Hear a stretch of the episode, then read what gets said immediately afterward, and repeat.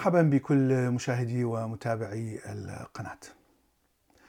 نتكلم اليوم عن مبدأ التنافس ما بين الكائنات الحية ونعرف التنافس أن آه، الكائنات الحية طبعا آه، تحتاج دائما إلى موارد طبيعية إلى ماء وأملاح معدنية إلى آخره حتى تستطيع أن تتكاثر تتقاسم. فعملية الانقسام والتكاثر هي عملية طبعا مستمرة. ولهذا فإن الكائنات الحية أو الكائن النوع الواحد من الكائنات الحية سوف يستمر بالانقسام إلى أن يستهلك كل المصادر أو الموارد الطبيعية في الظروف التي حوله. وهذا طبعا إذا كان هناك فقط كائن حي واحد آه، في المحيط. طبعا آه، نحن نعرف أن كل محيط يحتوي على مئات مئات وآلاف من الكائنات الحية من الحجم الصغير ذو خلية الواحدة مثل البكتيريا إلى النباتات والحيوانات آه، آه، التي آه، ذات خلايا متعددة. اذا التنافس هو صراع كائنين على نفس الموارد الطبيعية. لأن تقريبا كل الكائنات الحية تحتاج إلى نفس الموارد. وخاصة الكائنات الحية في أنواع المتشابهة بمعنى أنها تنتمي إلى عائلة واحدة في المملكة آه، الحيوانية أو النباتية هناك نوعين من التنافس هناك تنافس ما بين آه، نوع واحد ما بين نفس النوع وهناك تنافس ما بين أنواع مختلفة من الكائنات الحية. فمثال على آه، التنافس ما بين هذه الأنواع المختلفة نلاحظ مثلا عند الطيور وخاصة الطيور المغردة أو ما يسمى بال warbler أو wood warbler آه، في أمريكا الشمالية والجنوبية.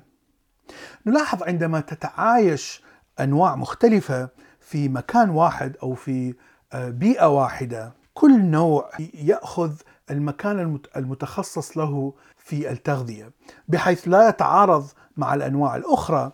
فالمثال الذي آه، نراه الآن Cape May warbler دائما يكون في أعلى الشجرة bay-breasted warbler يكون في منتصف آه، الشجرة yellow-rumped warbler يكون في أسفل الشجرة. وسيحصل شيء ما يسمى بالتوازن الطبيعي.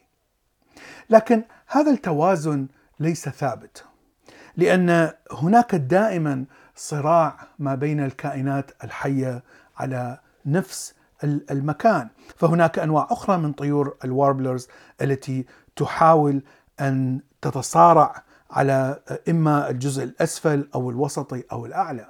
فمثلا آه، نوع ما يسمى ب hermit warbler هذا الطير أيضا آه، يتخصص في الأماكن العالية من الأشجار. ولهذا نراه لا يتعايش مع ال Cape May warbler لأنهم الاثنان سيتصارعون على نفس المكان.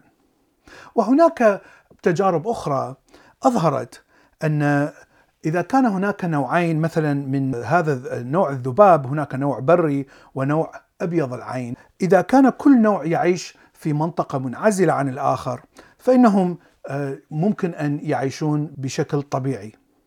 لكن عندما نضع هذين النوعين سوية في مكان واحد نرى أن النوع أبيض العين يتفوق على النوع البري ويأخذ آه، أكثر آه، المصادر الغذائية. وطبعا في الطبيعة قد يضطر النوع البري آه، للتزحزح عن المنطقة التي يعيش فيها مثلا لسبب قلة الطعام أو لسبب جفاف المياه أو لسبب التصحر آه، أو أو آه، لسبب زيادة البرودة أو زيادة الحرارة، طبعا هناك كثير من العوامل التي تغير من جغرافية الأرض وتغير من المناخ التي قد تسبب قلة الطعام. فإذا أضطر هذا النوع البري آه، يرحل من من مكانه ويذهب إلى مكان فيه يعيش النوع الأبيض فإنه لن يستطيع أن ينافس هذا النوع الأبيض. ومن جهة أخرى فإننا نرى أن آه، إذا كان هناك نوعين من الكائنات الحية المتقاربة جدا فإنها قد تتقاسم المحيط التي تعيش فيه.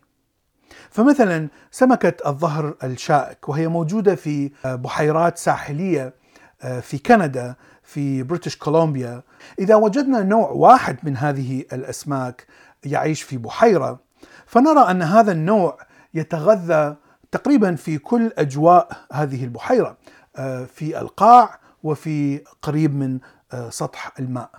لكن هناك بحيرات تعيش فيها نوعين من هذه الأسماك الظهر الشائك. ونرى أن كل نوع يتخصص في جزء معين من البحيرة.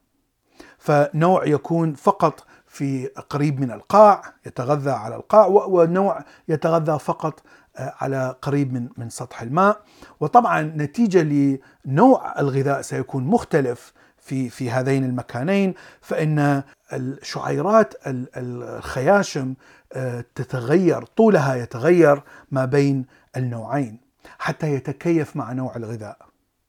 فنحن نعرف أن هذين النوعين قد تطورا من النوع الواحد الذي نراه في بحيرات أخرى.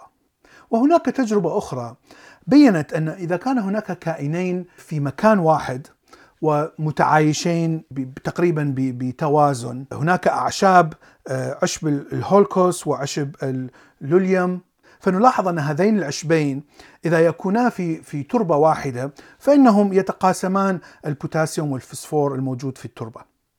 لكن إذا أدخلنا فطر ال mycorrhizal في جذور هذه الأعشاب أو هذه النباتات فإن فنرى أن ال Holcus آه، سوف يمتص تقريبا آه، كل البوتاسيوم والفسفور من التربة ونبات ال Lolium آه، سيبدا بالتضمر وسينتهي بالموت.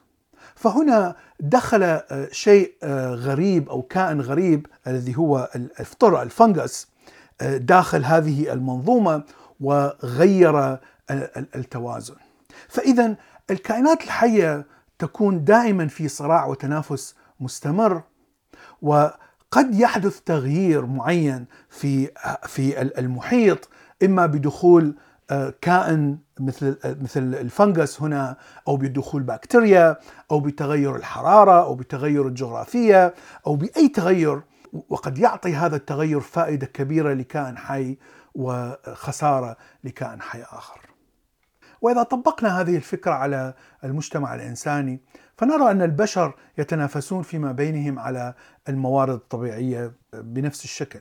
وأكبر سبب لحصول الحروب هو الصراع على الموارد الطبيعية. وهذه الفكرة حتى موجودة في الاقتصاد وفي الصناعات. فنرى أن كل شركة متخصصة في مجال معين آه، دائما تحاول أن تسيطر على هذا الاختصاص. شركات التليفون مثلا نلاحظ أن أبل وسامسونج هم الشركات المسيطرة بشكل كبير على التكنولوجيا للتليفونات الذكية. هناك دائما صراع بين أبل وسامسونج آه، على استحواذ آه، أكبر جزء من السوق وهذا الصراع ديناميكي آه، بمعنى أنه يتغير فنرى أن كل شركة تنتج تليفون جديد تأخذ جزء بسيط أكثر من السوق إلى أن تأتي الشركة الأخرى بتليفونها الجديد وهكذا. في النهاية الفكرة التي آه، دعتني إلى قراءة هذا الموضوع هو أنني أرى أن كل كائن حي يحاول أن يحول الموارد الأولية الموجودة في الأرض إلى جس... إلى أجسام آه، مشابهة له حسب ان اي طبعا. فالبشر كلما تكاثروا أكثر كلما حولوا الموارد الطبيعية والأملاح والماء إلى آه، أشكال بشرية. الحيوانات تفعل نفس الشيء. وحتى عندما تصنع منتوجات الشركات عندما تصنع منتوجات معينة فهي تحول الموارد المعدنية والأولية إلى أجهزة تشبه آه، الأجهزة التي يصممونها حسب آه، طبعا التخطيط والتصميم الذين يضعوه. فأبل تصنع فقط طبعا آه، تليفونات. أبل. فهي تحول الموارد الطبيعية إلى تليفونات ابل فقط. وكل شركة تحاول أن آه، تصنع أكبر ما يمكن من آه، المنتوجات التي تمثل هذه الشركة. فإذا هي تحاول أن تحول أكبر عدد ممكن من الموارد الطبيعية إلى هذه المنتوجات. بالضبط كما تفعل الكائنات الحية. وهذه الفكرة تعطي بعد أن الحياة أشبه بالسرطان. الذي يحاول دائما أن ينتشر بشكل أعمى. والمجتمع الإنساني ينتشر بنفس الطريقة ويصنع بنفس الطريقة وحتى يفكر بنفس الطريقة لأن الأفكار هي مجرد تغير لكيميائية داخل الدماغ. فعندما أحاول أن أنشر فكرة معينة فأنا فعليا أحاول أن أغير هذه الميكانيكية داخل أكبر عدد من أدمغة البشر. شيء فعلا غريب والغرابة فقط في أننا عندما ننظر إليه بشكل مجرد آه، وبشكل خارج عن هذه المنظومة لكننا لا نشعر بها آه، عندما نعيش داخل هذه المنظومة. هذا ما أردت أن أقول اليوم. شكرا لكم وإلى اللقاء في حلقة